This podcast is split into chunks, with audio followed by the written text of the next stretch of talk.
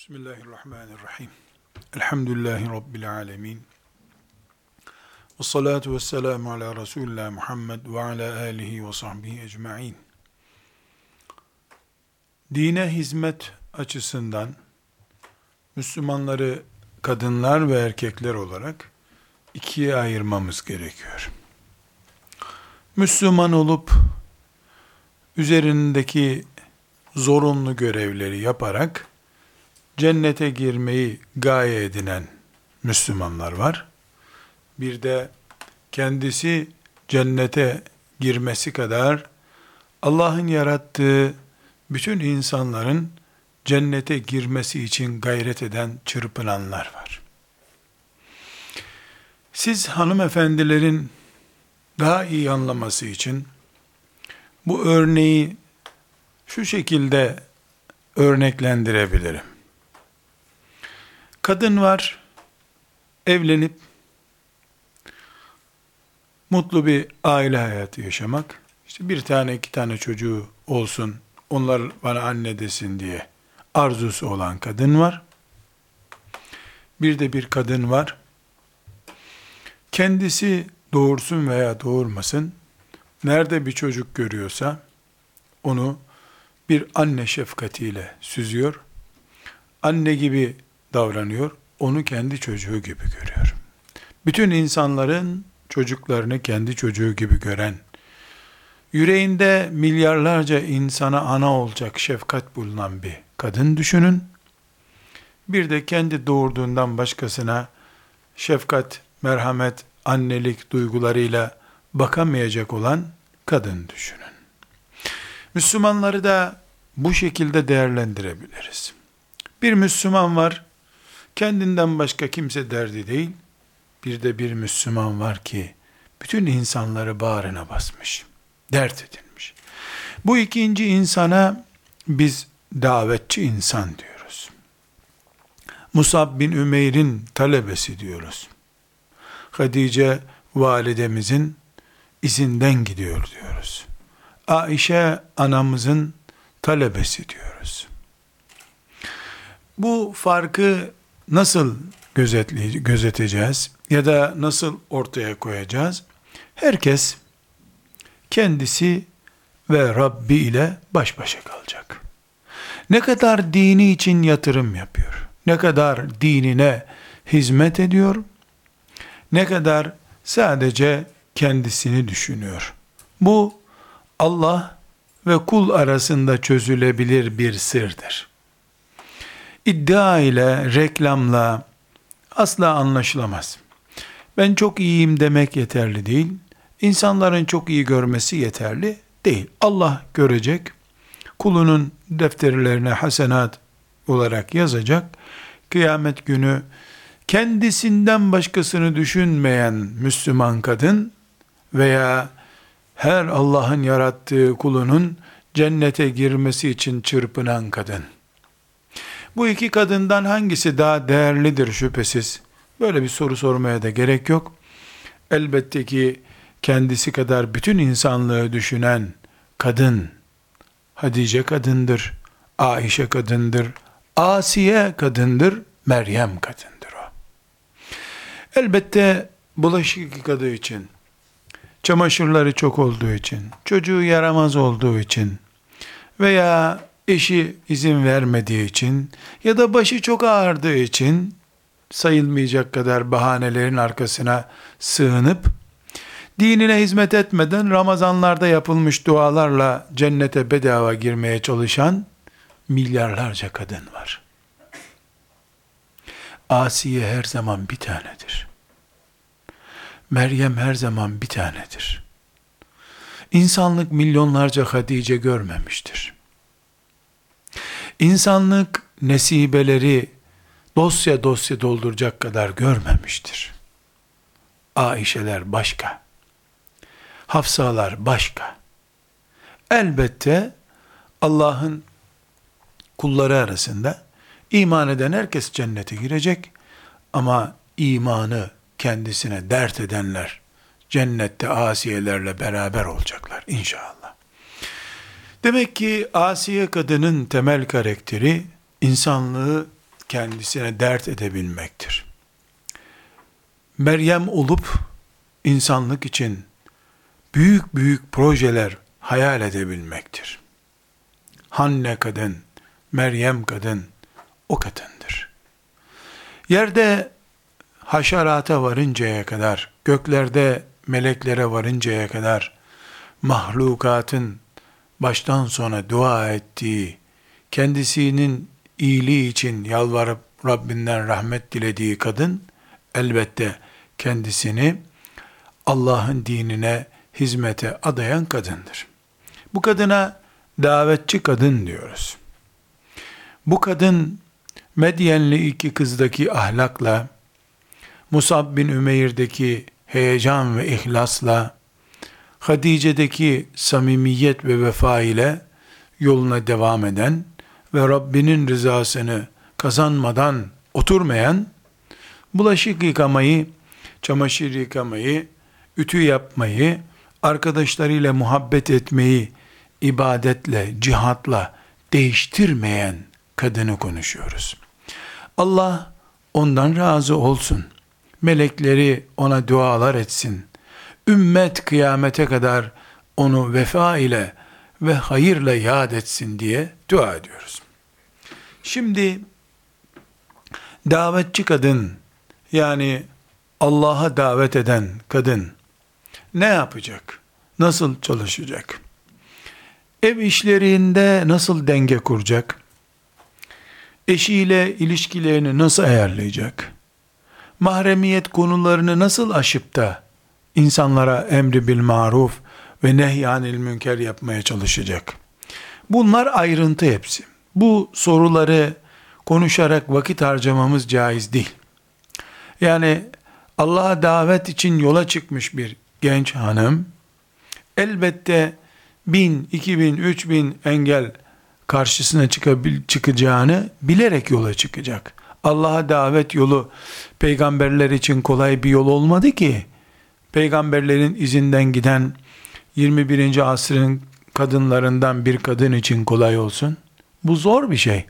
Allah e, kıyamete kadar kimseden korkmadan sadece Allah'tan korkarak dinine hizmet edenlere müjde vaat etmiştir. اَلَّذ۪ينَ يُبَلِّغُونَ رِسَالَاتِ اللّٰهِ وَيَخْشَوْنَهُ وَلَا يَخْشَوْنَ اَحَدًا اِلَّا اللّٰهِ İllallah. Allah.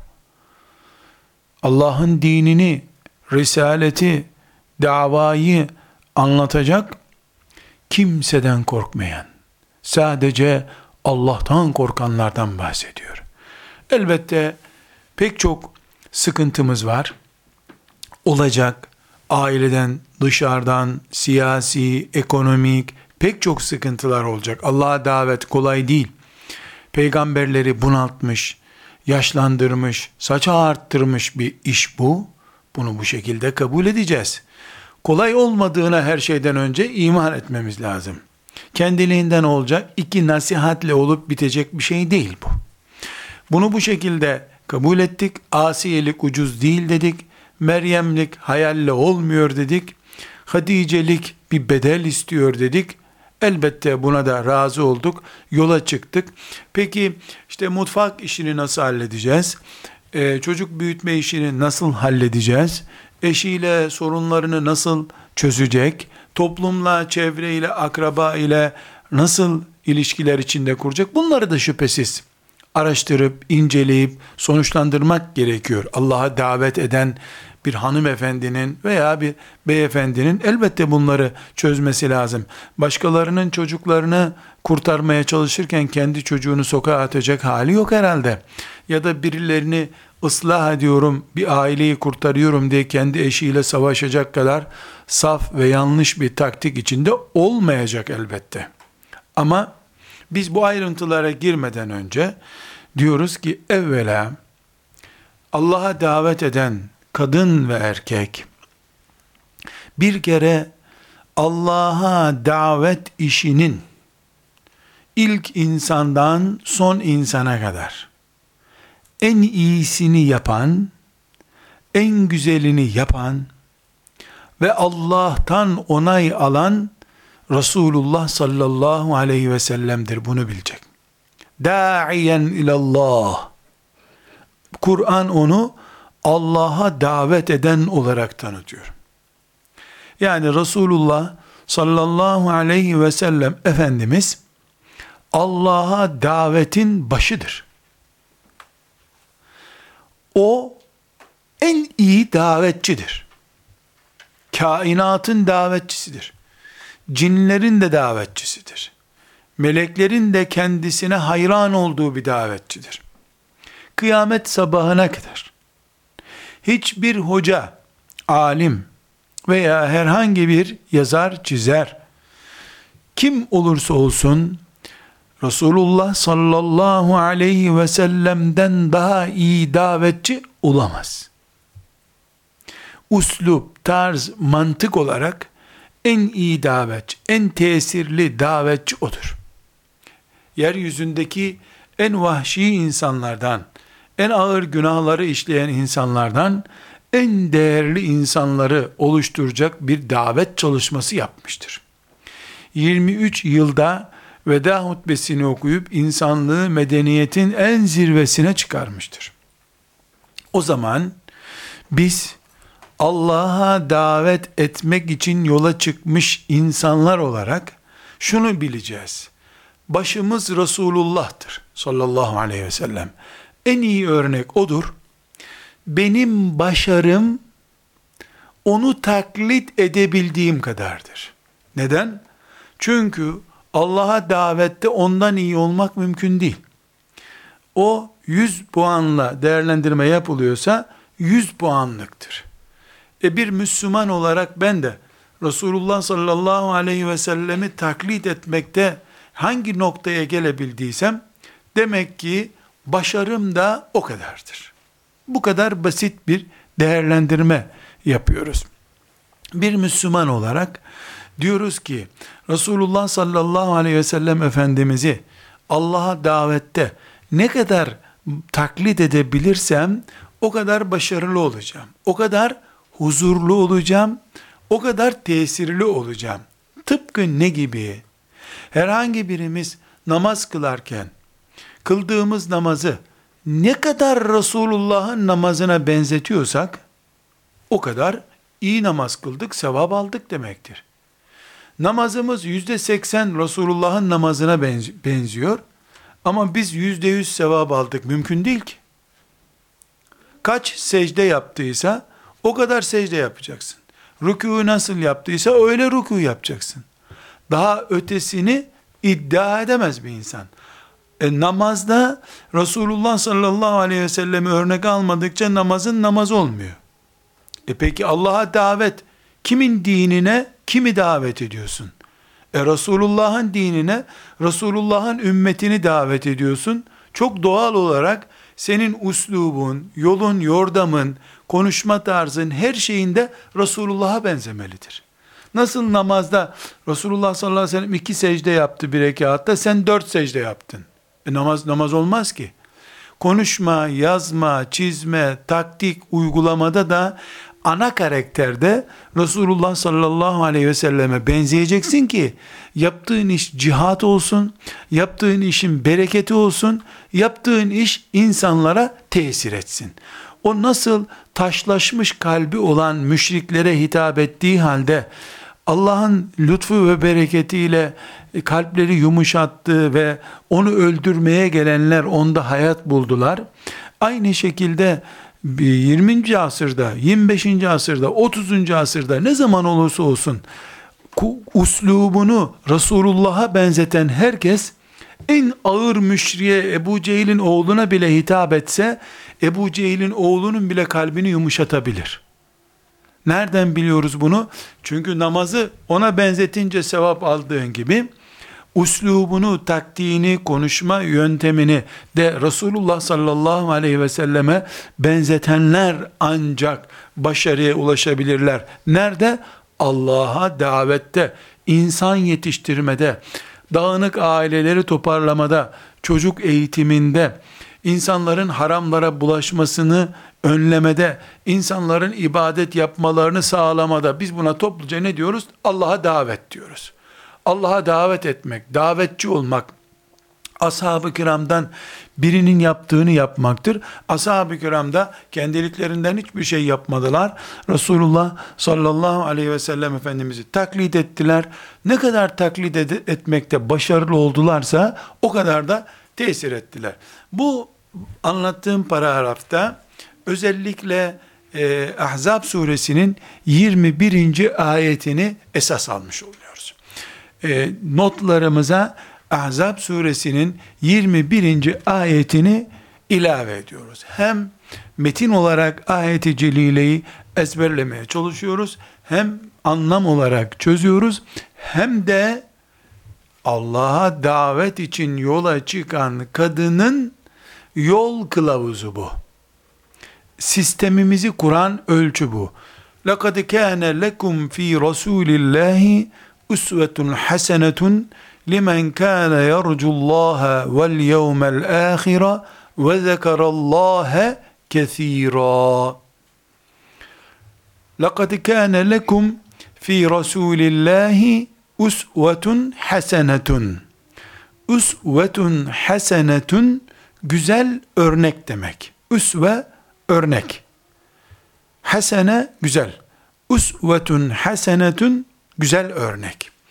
Lekad kâne lekum fi rasulillahi. Allah'ın Resulünde sizin için güzel bir örnek vardır. Limen kâne yarcullâhe vel yevmel ahire ve zekerallâhe kesîrâ. Limen kâne şu insanlar için. Yarcullah derdi Allah'tır. Vel yevmel ahir ahiret gününü istiyor ve zekerallâhe kesîrâ. Allah'ı çokça zikrediyor. Üç şeyse yola çıkışın. Allah'ı kazanmak istiyorsan, ahiretini kurtarmak istiyorsan, zikreden bir müminsen. Bu üç şeyse senin derdin, o zaman örneğin Resulullah olacak. Sallallahu aleyhi ve sellem. Elbette medyatik olmak istiyorsan mesela, meşhur olmak için, hoca olmak için, akademik kimliğin olsun diye, çoluk çocuğunu geçindirmek için vesaire gibi bir sebeple Resulullah sallallahu aleyhi ve sellemi örnek alman gerekmez. Resulullah sallallahu aleyhi ve sellem Allah'ı dert edenlerin, ahireti umanların, zikrullah diye derdi olanların örneğidir. Senin gayen nedir? Bunu sen bilirsin, Allah bilir. Kendi kendini aldatabilir, kandırabilirsin, Allah'ı kandıramazsın. He benim derdim Allah'tır. Allah'tan başkası derdim değil diyebilirsin. Ama Allah sende onun rızasını aradığına dair bir dert görmezse kandıramazsın. Onun için herkes kalbini bilir. Ne için sen bu düğünde konuşma yapmak istiyorsun? Neden sen mikrofonun karşısına geçmek istedin? Neden sen arkadaşına yarım saattir nasihat ediyorsun? Menfaat mi? Şöhret mi? İş yapmış olmak mı? Vakit geçirmek mi? Bunu kimse kararlaştıramaz. Bunu Allah bilir sadece. Sen de az çok tahmin edersin. Derdin nedir? Derdin Allah ise, derdin ahirette asiyeleşmiş, Meryemleşmiş, Hadiceleşmiş insan olarak dirilmekse derdin, o zaman sen Resulullah'ı örnek alacaksın. Sallallahu aleyhi ve sellem. Temel prensibimiz bu. Tekrar buraya kadar olan bölümü özetliyorum. Ne dedik? İnsanları, Müslüman insanları ikiye ayırabiliriz. Kendisi cennete girmekten başka derdi olmayanlar, bir kişi cehenneme girecek diye uykusuz kalanlar, yani asiyeler, yani Meryemler, Hadiceler diye dert eder. Böyle sayalım. İnsanlar bu şekildedirler. Bu ikincisi yani bir kişi cehenneme girecek, bir kadın açık geziyor, bir kadının düğünü caiz olmayacak şekilde yapılıyor. Bir kadın çocuğunu eğitemiyor, bir kadının çocuğu harama bulaştı, bir kadın haram olacak bir şekilde erkeklerle bir arada duruyor gibi sebeplerle oturup da kendine dert edip Allah için çalışan ki biz buna Allah'a davetçi dedik. Allah'a davet eden dedik. Musab bin Ümeyr'in talebesi dedik. Hadice'nin arkadaşı dedik. Aişe'nin peşinden giden izcisi dedik. Bu isim isim çok önemli değil. Bütün bu e, himmetin sahipleri yani Allah'a davet edenler, hoca hanım, e, Allah'a davetçi hanım, yazar hanım ismini koymaya hiç gerek yok. İsmi ne olursa olsun yaptığı iş belli. Feyiz istiyorsa, bereket istiyorsa, başarı istiyorsa bir kere söyleyecek, kalbe tesir edecek. O konuşunca insanlar dinleyecekler, akşam eve gidip hayatlarına şekil verecekler. Böyle bir tesir gücü istiyorsa, yani kalpleri ele geçirmek istiyorsa, bu işi en iyi yapmış olan ve da'iyen ilallah diye Kur'an-ı Kerim'in önümüze örnek koyduğu Resulullah sallallahu aleyhi ve sellemi taklit edecek. Nesinde taklit edecek? Tıpkı namazında taklit ettiği gibi Allah'a davette de taklit edecek. E, çünkü Resulullah sallallahu aleyhi ve sellemi taklit etmeden bir başarı elde edemeyeceğimizi de Rabbimiz kitabında Ahzab suresinin 21. ayetinde bize ilan etmişti zaten. Eh bu ilandan sonra Müslümanın e, kenara bunara çekmeye hakkı yoktur. Peygamberi taklit edenler e, bu işte başarılı olacaklar dedik şu zamana kadar. Peki e, hemen karşımıza çok böyle sanki bulunmaz bir metamış gibi sorular çıkacak. E Peygamber aleyhisselamın zamanında televizyon yoktu, gazete yoktu, mikrofon yoktu, hatta salonlar yoktu, böyle oturulan koltuklar yoktu, camide 2000 kişinin dinleyebileceği bir hoparlör sistemi yoktu. Doğru, bunların hiçbiri yoktu. E peki nasıl e, örnek alacağız Peygamber aleyhisselamı bu günlük hayatımızda? Mesela bilgisayar programını nasıl yapacağız? Mesela kitap yok, defter yoktu o zaman. Şimdi biz kitapla hatta kitabı bile geride bırakacak bir sürü teknolojiyle yaşıyoruz. Peygamber aleyhisselamı bu teknolojide nasıl taklit edeceğiz gibi aslında önemsiz olan ama muhakkak şeytanın zihnimizi kurcalatacağı sorularla karşılaşacağız diyoruz ki Resulullah sallallahu aleyhi ve sellem Efendimiz kek yiyor muydu? Ambalajından açıp hurma yedi mi hiç? Şeftali nektarı içti mi hiç? Klimalı odada uyudu mu hiç? Kaloriferle ısındı mı hiç? Taksi kullandı mı hiç? Aspirin kullandı mı? Antibiyotik kullandı mı grip olunca? Elbette hayır. E peki nasıl Müslümanlığımızı ona benzetiyoruz? Yememizi, içmemizi nasıl benzetiyoruz? Bir dakika. Temel sistemde benzeşiyoruz. Mesela yiyecekleri helal haram diye ayırıyoruz. O ayırdığı için. Hurmayı biz ambalajından açıp yiyoruz. Buzdolabından alıp yiyoruz. O dalından yedi. Ama sağ elle yedi. Biz de sağ elle yiyoruz. Bismillah diyerek yedi. Biz de Bismillah diyerek yiyoruz. Yine onun yolundayız. Hurmayı e, buzdolabından yedik. Dolayısıyla peygamber düşmanı olmadık. Buzdolabı kullanmayın diye bir şey dememişti bize. Peygamber sallallahu aleyhi ve sellem Efendimiz hacamat yaptırdı diyelim. Yani kan aldırdı. Biz kan aldırmıyoruz. E, kan e, şurubu içiyoruz. Kan iğnesi yaptırıyoruz. Mikroba antibiyotik olacak, e, tesir edecek bir ilaç kullanıyoruz. Resulullah sallallahu aleyhi ve sellemin yemesi içmesinde temel kriterleri uyguluyoruz. Çünkü bize demedi ki kim benim yediğim hurmadan başka hurma yerse dinimden çıkar. Böyle demedi ki. Sağ elle yiyin dedi. Domuz eti yemeyin dedi. Haram yemeyin dedi. Alkol kullanmayın dedi. Bunlar temel ölçüleri. Bu temel ölçüleri öldükten sonra bir sorun yok arada. Bunlara uyuyor musun? Temel ölçün bu ölçüler mi oluyor senin? Tamam. Peygamber aleyhisselamın peşinden gitsin. Demek ki biz ibadetlerde namazda bile mesela tutup da Resulullah sallallahu aleyhi ve sellemin kıldığı bir camide kılsak çakıl döşeli bir camide namaz kılmamız lazım hurma lifleriyle kapanmış bir camide namaz kılmamız lazım. E biz nerede namaz kılıyoruz? Halının üstünde. Hatta kadınlar seccade sermeden namaz kılabiliyorlarmış. Caiz mi kadınların seccade kılmadan, sermeden namaz kılması? Hiç seccadesiz namaz olma. Hatta camiye gittiklerinde bile yanlarına seccade götürüyorlar. Hiç seccadesiz olur mu?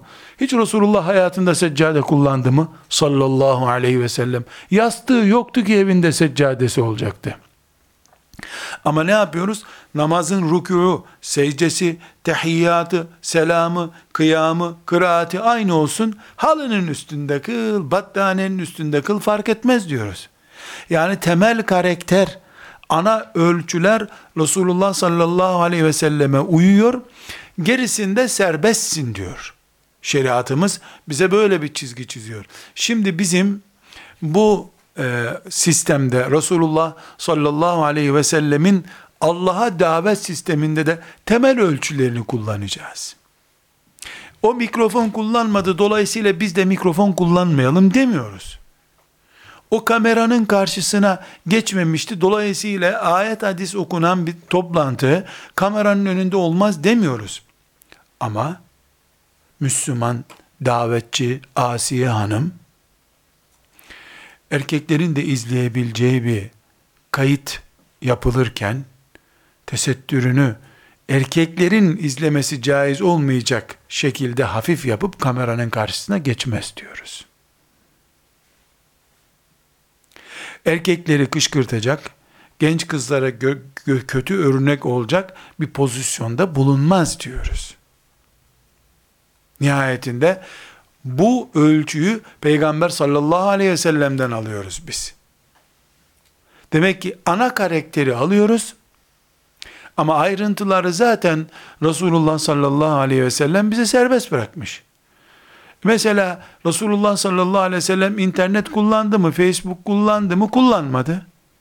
Peki kullanır mıydı, kullanmaz mıydı? Hiç önemli değil kullanır mıydı, kullanmaz mıydı? Böyle bir şey olmaz.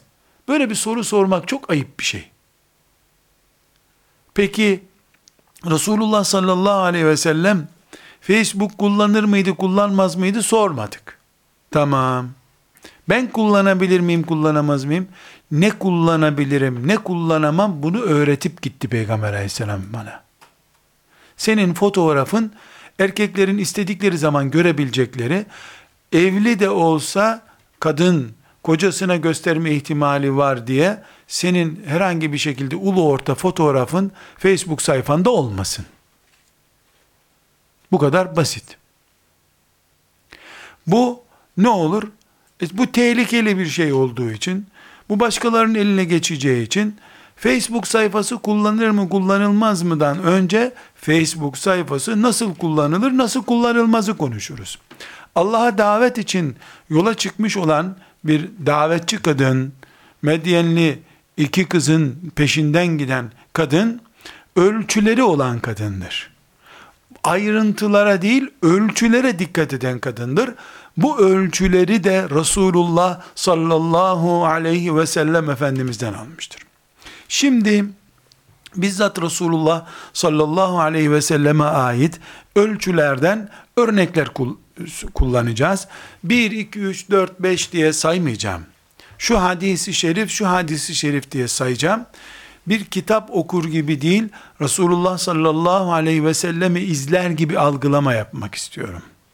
Yani bir Müslüman kadın şu şekilde Allah'a davet eder. 1, 2, 3, 4 diye saymak yerine bu ne oluyor? 10 madde saydığım zaman sizin zihninizde 10 maddeyle sınırlı kalacak bu. 11. madde ilave edemeyeceksiniz. Ama ben size 10 tane hadis okuyacağım. Bu hadisten siz Allah'ın izniyle 100 tane 200 tane temel prensip çıkaracaksınız. Yani size ben birer tane olta vermek istiyorum. Onunla istediğiniz kadar balık tutun. Pişmiş birer balık versem 10 dakika sonra o balığı yiyip kalkacaktınız sofradan. Hadisi şerif bilmek bu demektir. Hem e, Ahzab suresinin 21. ayetini, mealini ve ayrıntısını ezberleyeceğiz. Hem de şimdi Resulullah sallallahu aleyhi ve sellemin ashabından, hanımlarından bize onun tebliğ davetine, insan eğitme, insan kazanma çalışmalarında ne yaptığına dair örnekler göreceğiz. Ama tekrar ediyorum 1, 2, 3 diye madde saymayacağız. Bu hadis diyeceğim. O hadisten kimimiz 20 tane temel prensip çıkaracak kendisine. Kimimiz belki hiçbir şey çıkaramayacak. Kimimiz de iki tane temel madde çıkaracak. Herkes zekasına göre çıkaracak. E zaten Allah'a davette herkesin kabiliyetine göre olacak bir şey. Kimseye zorla sen şu kadar Allah'a davet edeceksin diye bir şey yok. Kabiliyetimiz kadar Allah da ihlasımız kadar bereket verecek. Kabiliyetimiz kadar da iş yapacağız ve inşallah muvaffak olacağız.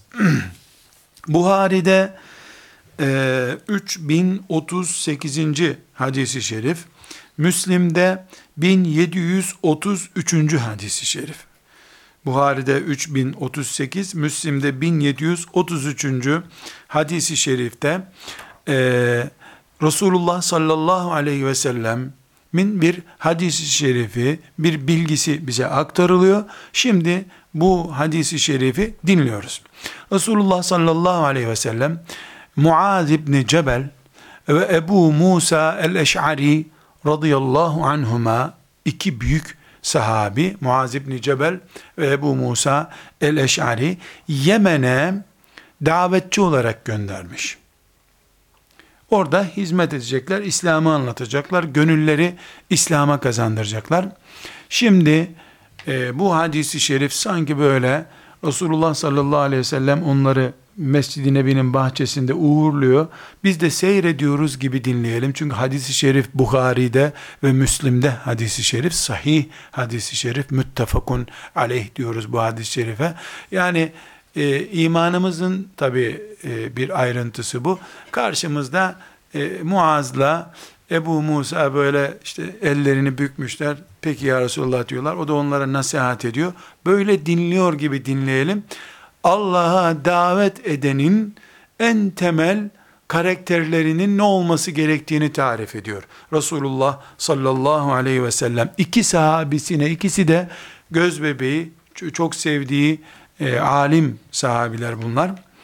Yessira ve la tuassira ve beşşira ve la tuneffira ve tetava'a ve la tehtelife.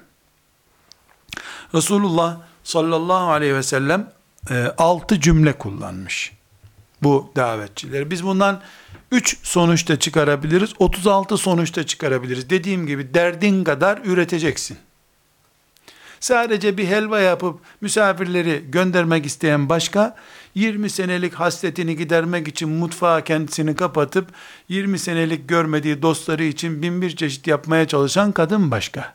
Herkes kapasitesi kadar, özendiğin kadar, dert ettiğin kadardır bu. Yessira ve la tuassira, beşşira ve la tunaffira, tetava'a ve la tehtelifa cümlesinden hiçbir şey de çıkaramayabilirsin. Aa ne güzel söylemiş güle güle de diyebilir. Bundan destanlar da yazabilir insan. Bir cilt kitap da yazabilirsin. Yessira kolaylaştırın. İkisine emrediyor.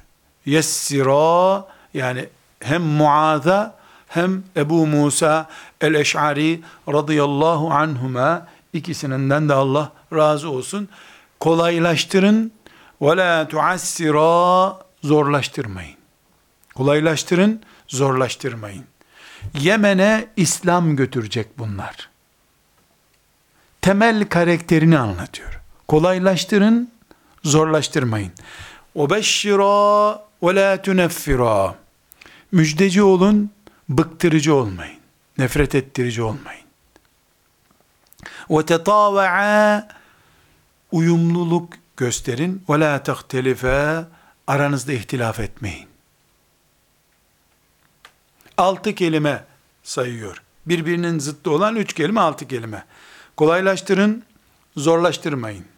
Müjdeci olun, nefret ettirici olmayın.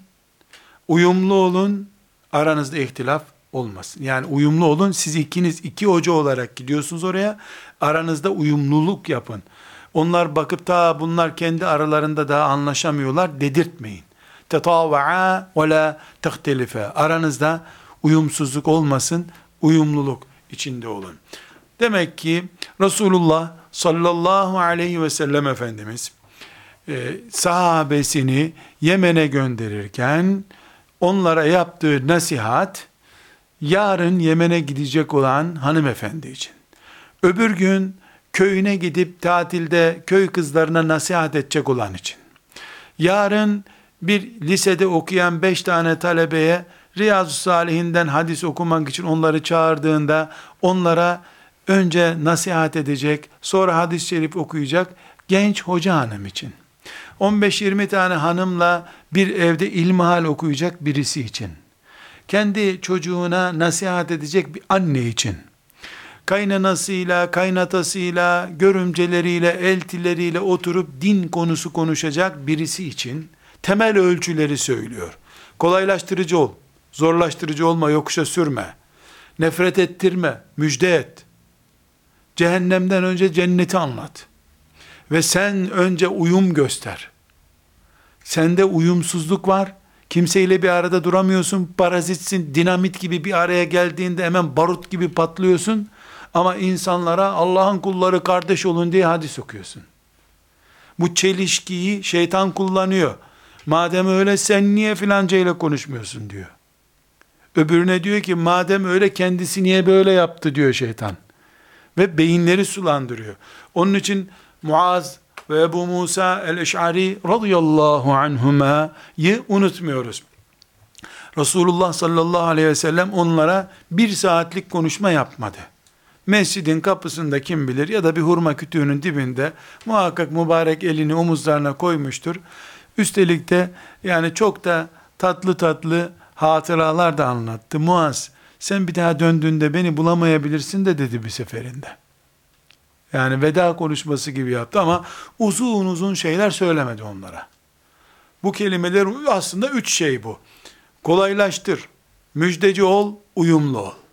Kolaylık, müjde ve uyum. Bir de bunların tersten bakıldığında zorlaştırma, nefret ettirme, aykırı davranma.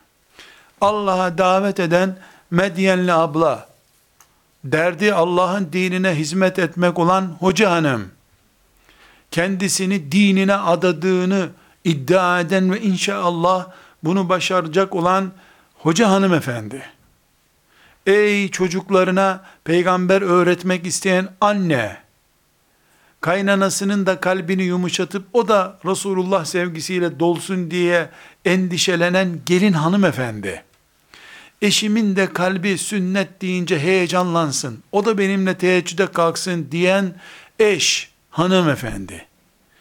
Evet sen bileziklerin, küpen, araban, cep telefonun, bilgisayarın vesaire bütün teknolojilerin hepsi ayrıntı, ayrıntı, ayrıntı, uzak vadilerdeki şeyler onlar.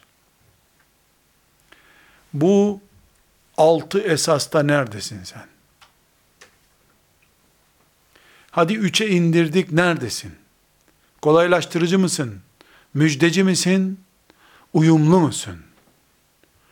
Çocuğuna sen 15 senedir namaz kıldığın halde çocuğuna niye namaz aşılayamadığını dönüp bu üç şeyden inceleyebilirsin. Demek ki Muaz ve Ebu Musa el-Eş'ari radıyallahu anhumanın Resulullah sallallahu aleyhi ve sellem'den duyduğu bu nasihatle Yemen'e gittiler ve Yemen'in Müslüman olması için 20 sene beklemediler. Belki 20 gün sonra Medine'ye uçan haberde Yemen Müslüman oldu diyordu. Çünkü Yemenliler Musa'yı, Ebu Musa'yı ve Muaz'ı gökten inmiş melek zannettiler. Çünkü Peygamber aleyhisselamın onlara öğrettiği taktik, gönüllere taht kurdurdu. Akın akın Medine'ye hicret etmeye başladılar. Bu kıyamete kadar şüphesiz bütün ümmeti Muhammed için geçerli bir örnektir. Elbette yumuşak da müjdeci ve uyumlu ne olursan ol, Allah'ın kilitlediği kalbi sen açmayacaksın. Ama sen kabahatli olmayacaksın. Kıyamet günü senin nefret ettirmen yüzünden veya senin uyumsuzluğun yüzünden bu dinden soğumuştu denmeyecek. Güven içinde olacaksın dirilirken. O iman etmese, namaz kılmasa, e, ıslah olmasa bile sen vazifeni yapmış, o sevabı biiznillah kazanmış olacaksın. Yine Müslim'den 1477. hadisi şerif. Ahmet bin Hanbel'de 14515. hadisi şerif. Resulullah sallallahu aleyhi ve sellem Efendimiz bizzat kendisi peygamberlik karakterinin nasıl olduğunu tarif ediyor. Böylece şimdi burada peygamberimiz ben böyleyim diyor. Onun peşinden ben de Resulullah'ın davet ettiği gibi davet edeceğim. Ben de gönüllerde taht kuracağım. Ben de Rabbimin kullarının sayısını çoğaltacağım. Dün gece bizim sokağımızda 20 kişi sabah namazına kalkmıştı bu gece benim yapacağım hamle, ders ve gayret sayesinde biiznillah 25 kişi sabah namazına kalkacak. O 5 kişinin namazının sevabından bana da yazılacak diye umutla çalışan hanımefendi, Hoca Hanım, Asiye Hanım, Meryem Hanım, Hadice Hanım, Zeynep binti Cahş Hanım, Sevde Hanım, Hafsa Hanım, Nesibe Hanım, Aişe Hanım efendi, o Resulullah'a uyacak şüphesiz. Neden? Çünkü لَقَدْ كَانَ لَكُمْ ف۪ي رَسُولِ اللّٰهِ اُسْوَةٌ حَسَنَةٌ Usvetun hasenetun. Usvetun hasenetun peygamber sen Peygamber aleyhisselamın sadece Riyazu Salihin isimli kitaptaki hadisi şeriflerini okuyarak peygamberi tanıtamazsın. Senin alnında, gözlerinde, dudaklarında, avucunda, burnunun nefes alışında Resulullah kokmalı senden izlenmeli Resulullah. Huyun, suyun, ahlakın, müjdeciliğin, nefret ettirmeyişin, uyumluluğun ve benzeri Resulullah olan hareketlerin insanlara etki etmeli. Nasıl Muaz Yemen'e gitti, sanki Yemen'e gökten bir bulut iner gibi rahmet indirdi Resulullah'tan taşıdığı için onu. Sen Resulullah'ı anlatıyorsun, Resulullah'ın ahlakını, karakterini de sen anlatmadan gözlerin anlatsın. Dudakların konuşmadan önce alnındaki muhabbet anlatsın. Oturuşun, kalkışın Resulullah olarak yansımalı. Sallallahu aleyhi ve sellem. Şimdi bu alıntıyı Müslim'in ve Ahmet bin Hanbel nin Müsned isimli kitabındaki hadisi şeriften nakledelim. İnna Allah lem yeb'asni muanniten ve la muteanniten. Ba'aseni muallimen muyessiran. İnna Allah lem yeb'asni muanniten ve la muteanniten. Velakin ba'aseni muallimen muyessiran. İnna Allah lem yeb'asni Allah beni göndermedi. Müte muanniten ve la muteanniden. İnatçı ve sürtüşmeci olarak göndermedi beni Allah. İnatçı, sürtünmek, inatlaşmak, yokuşa sürmekten hoşlanan biri olarak göndermedi. Velakin ba'aseni Allah beni gönderdi. Muallimen müyessiran kolaylaştırıcı bir öğretmen olarak gönderdi beni. Yokuşa süren öğretmen değil demek ki. Kimya kolaylaştıran bir öğretmen olmuş. Sallallahu aleyhi ve sellem. Elbette daha sonraki Asiye kadın derslerimizde inşallah bu kolaylaştırmanın ne demek olduğunu, nasıl uygulandığını göreceğiz. Yani kolaylaştırma demek kılmasanız da olur. Canım kısa etek de olur zararı yok ya. Ben çünkü kolaylaştırıcı bir hocayım. Eteği de çıkar, gömleği de çıkar. O kolaylaştırıyoruz. O değil elbette. Yani bir taktik var ortada. Buradaki kolaylaştırma ne? İnsanlara önce Allah'ın rahmet tarafını gösterip sonra haramlardan, cehennemden tehdit eden ayetlerini göster mesela. Mesela İnsanlara yapabilecekleri şeyi önce anlat. 20 ders sonra yapması zor olan şeylere geçersin. Başlarken daha anasının babasının işlediği günahlar yüzünden onun başına kanser felaketi geldiğini anlatarak başlama mesela. Davetçisin sen. Çünkü Allah senin peygamberini muannit ve la muteannit olarak göndermedi. Muallim, müyessir, kolaylaştıran bir öğretmen olarak, formül çözmeye, talebeye yardım etmek isteyen bir öğretmen olarak gönderdi. Sen de onun yolundasın. Allah'ın izniyle Allah'a çağırıyorsun. Peygamber sallallahu aleyhi ve sellemi taklit edeceksin. Bukhari'nin ve Müslim'in rivayet ettiği Ayşe anamızdan rivayet edilen bir hadis Bukhari'de 3560. hadis-i şerif. Müslim'de de 2327. hadis-i şerif.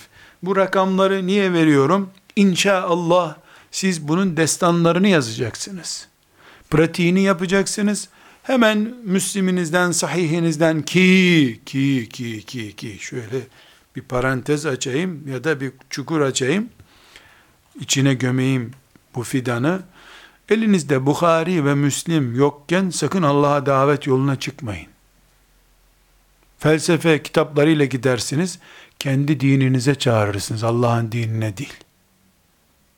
Kur'an'ınız olacak, Bukhari'niz, Müslim'iniz, Ebu Davud'unuz, Tirmizi'niz, Nesai'niz, İbn Mace'niz olacak.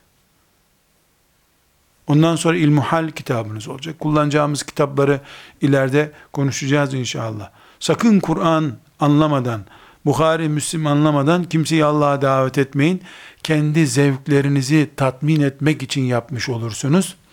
Kendinizi anlatırsınız insanlara. Bana göre demeye başlarsınız ikide bir. Evet.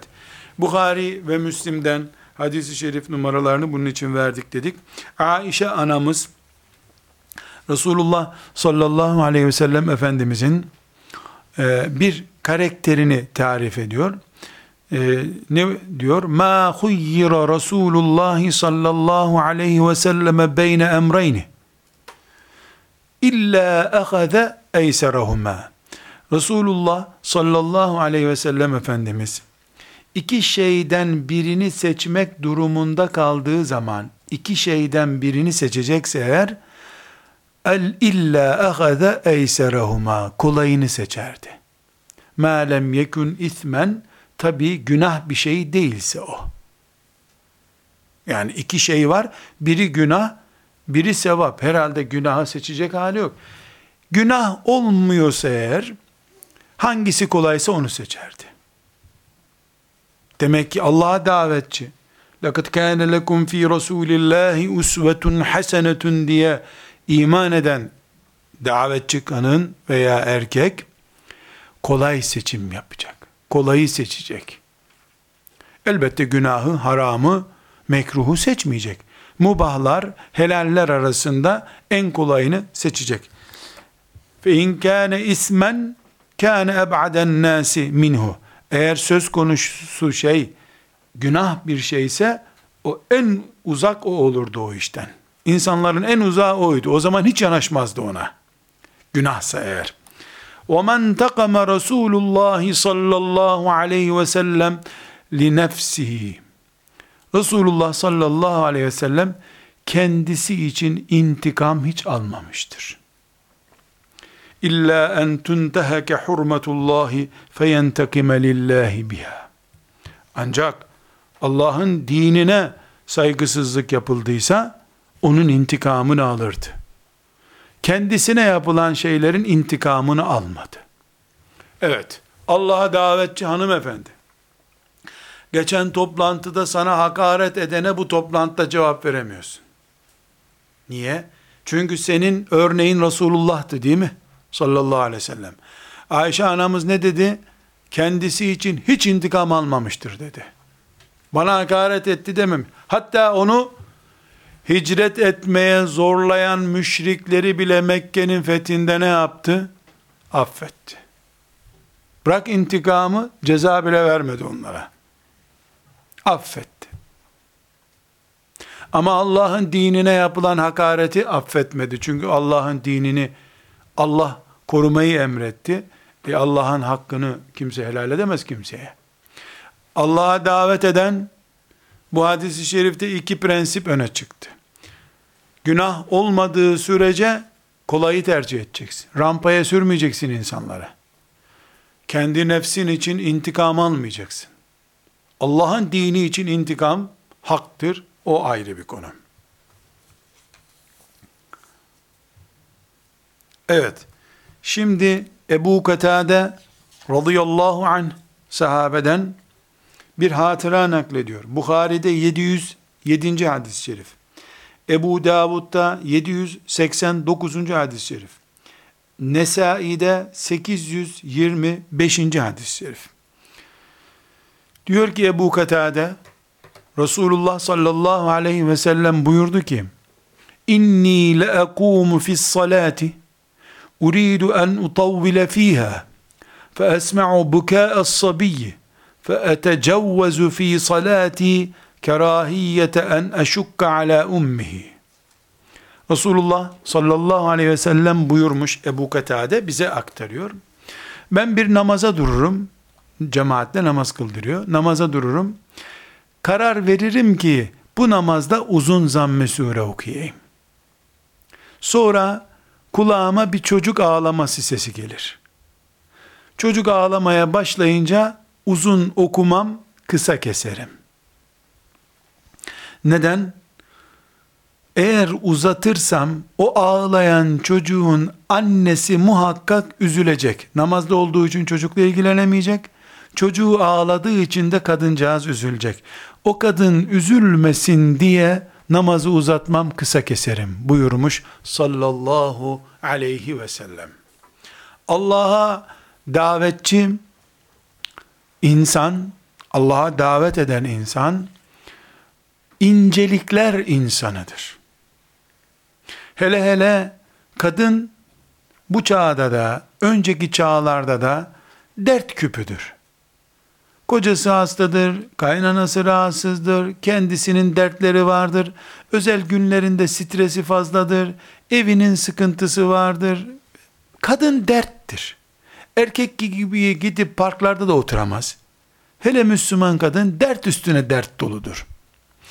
Müslüman kadınları bir yerde hadis ayet okumak, ilmuhal öğretmek için toplayan bir hoca hanım, yaptığı işin, yani o dersin, Resulullah'ın mihrabında namaz kıldırmaktan önemli olmadığını bilmesi lazım.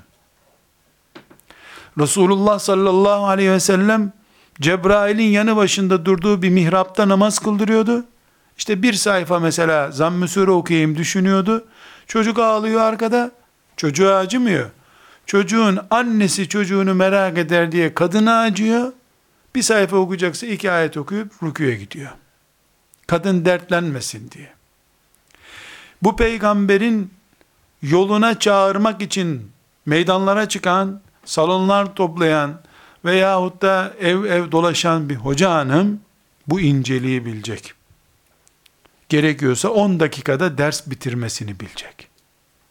10 dakikada ders bitirmek için bir saat değil de 10 dakikada bitirmek için 10 saat çalışacak. Kırparak değil, daha kaliteli hazırlanarak, daha nektarı yoğun yaparak insanlara daha çabuk vermeye çalışacak. Bayanların bir tanesi hamiledir. Bunu anladığı zaman daha müjdeli, daha kaliteli konuşacak. Hamile bir kadın doğumuna 20 gün var, onun dersine gelmiş.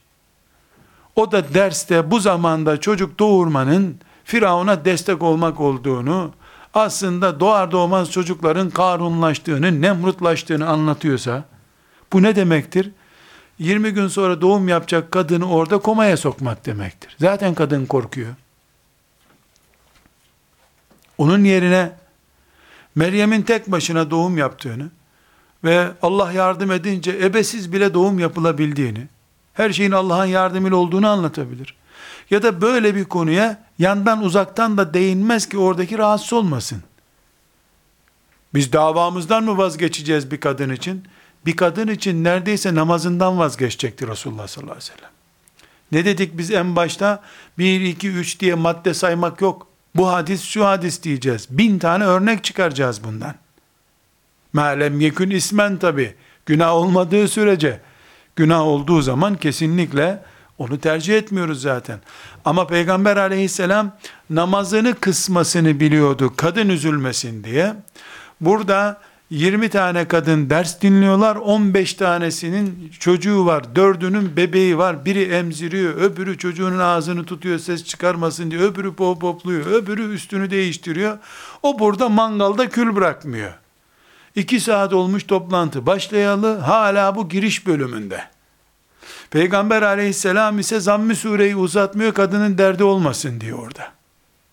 Bu hanımefendi kendisi de kadın olduğu halde bir başladı bir daha bitirmesi için elektriklerin kesilmesi lazım. Burada Peygamber aleyhissalatu vesselam'dan taktik öğrenmemişlik ortaya çıkıyor. Sen hafıza olabilirsin. Yüz tane konferans verecek kadar ilmin olabilir. 5000 hadisi şerif bilebilirsin ama bilmediğin bir şey var. Kuru bilgi değil, pratik bilgi insanı Resulullah'ın peşinden götürür. Sallallahu aleyhi ve sellem. Buradan e, çıkmak istediğimiz sonucu tekrar toparlayayım.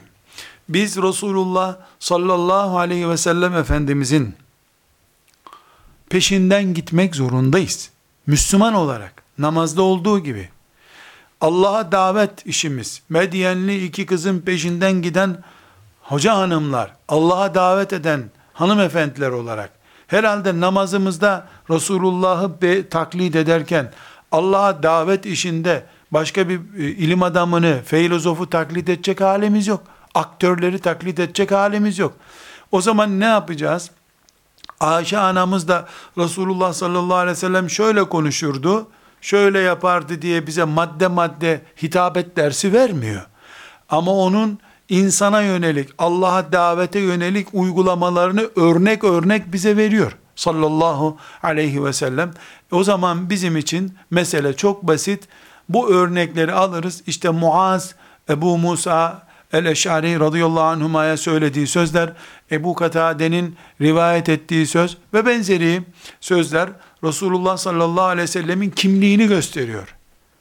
Allah'a davetteki en büyük insan onaylanmış, evet Allah'a davet böyle yapılır diye göklerden tasdik almış peygamberim sallallahu aleyhi ve sellemin örneğim olarak karşımda duruyor namazdaki uygulamaları, insanlarla ilişkileri ben Resulullah sallallahu aleyhi ve sellemi taklit ettiğim kadar mümin olacağım. Namazda, oruçta, haçta, Kur'an okumada, her yerde ve Allah'a davette. Mesele mikrofona konuşma meselesi değil. Mesele kameranın önünde konuşma ya da slide gösterme meselesi. Bunlar çok ayrıntı şeyler. Olmasa da olur şeyler. Önemli olan insandır anlatan insan ve dinleyen insan. Peygamber sallallahu aleyhi ve sellem'den bugüne kadar çok şey gelişti. İnsan yedi kulaklı mı oldu o zamandan beri? İnsanda bir değişme var mı? O insan bu insan. Hoca, hanım olarak sen Peygamber aleyhisselama benziyorsun. O dinleyecek olan da Peygamber aleyhisselamın konuştuğu işte Ebu Cehil'in oğluna benziyor. Filan cezata benziyor. İnsan değişmedi gaye değişmedi. Allah'a davet gayemiz. Ne değişti sadece? Mikrofon gelişti, kağıt gelişti, benzeri şeyler gelişti.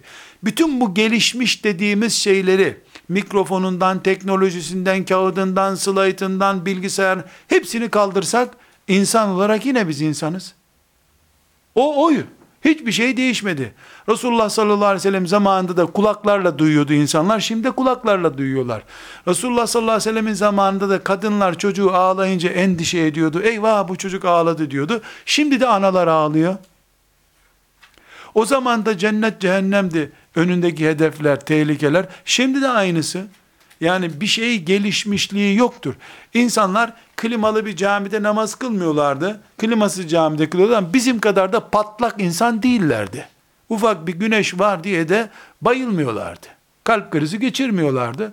Demek ki teknoloji gelişti bilmem ne gelişti ama insana ilave bir kalp, fazladan bir göz, fazladan bir kulak verilmedi. 32 diş, 32 diş gene. İnsan gene insan. Güneş gene aynı güneş. O zaman biz Resulullah sallallahu aleyhi ve sellem Efendimizin insani ilişkileri nasıl düzenlediğini ciddi bir şekilde inceleyerek ana menüyü yakalamış oluruz. Asıl yakalanması gereken şeyi yakalarız. Gerisini de Allah halk eder. Bilgisayar ve benzeri hiçbir teknoloji hatta ayaklarında ayakkabı bile olmadan ashab-ı kiram çıktıkları yollarda yüz binlerce insanın hidayetine vesile oldular. Niyeden? Allah onların sözüne bereket verdi. Hatta ve hatta hiçbir zaman unutmayınız ashab-ı kiram dillerini bilmedikleri yerlere de gittiler. Hatay'a geldiler mesela. Rumca konuşuyordu insanlar Hatay'da. Hatay'a geldiler, Hatay'ın Müslüman olmasını sağladılar. Dilini bilmedikleri Çin'e gittiler. Kıbrıs'a gittiler. Nasıl anlaştılar o insanlarla? Hiçbir şekilde anlaşmadılar. Onlar dudaklarını hareket ettirdikçe Allah bereket verdi. İnsanlar da anladılar.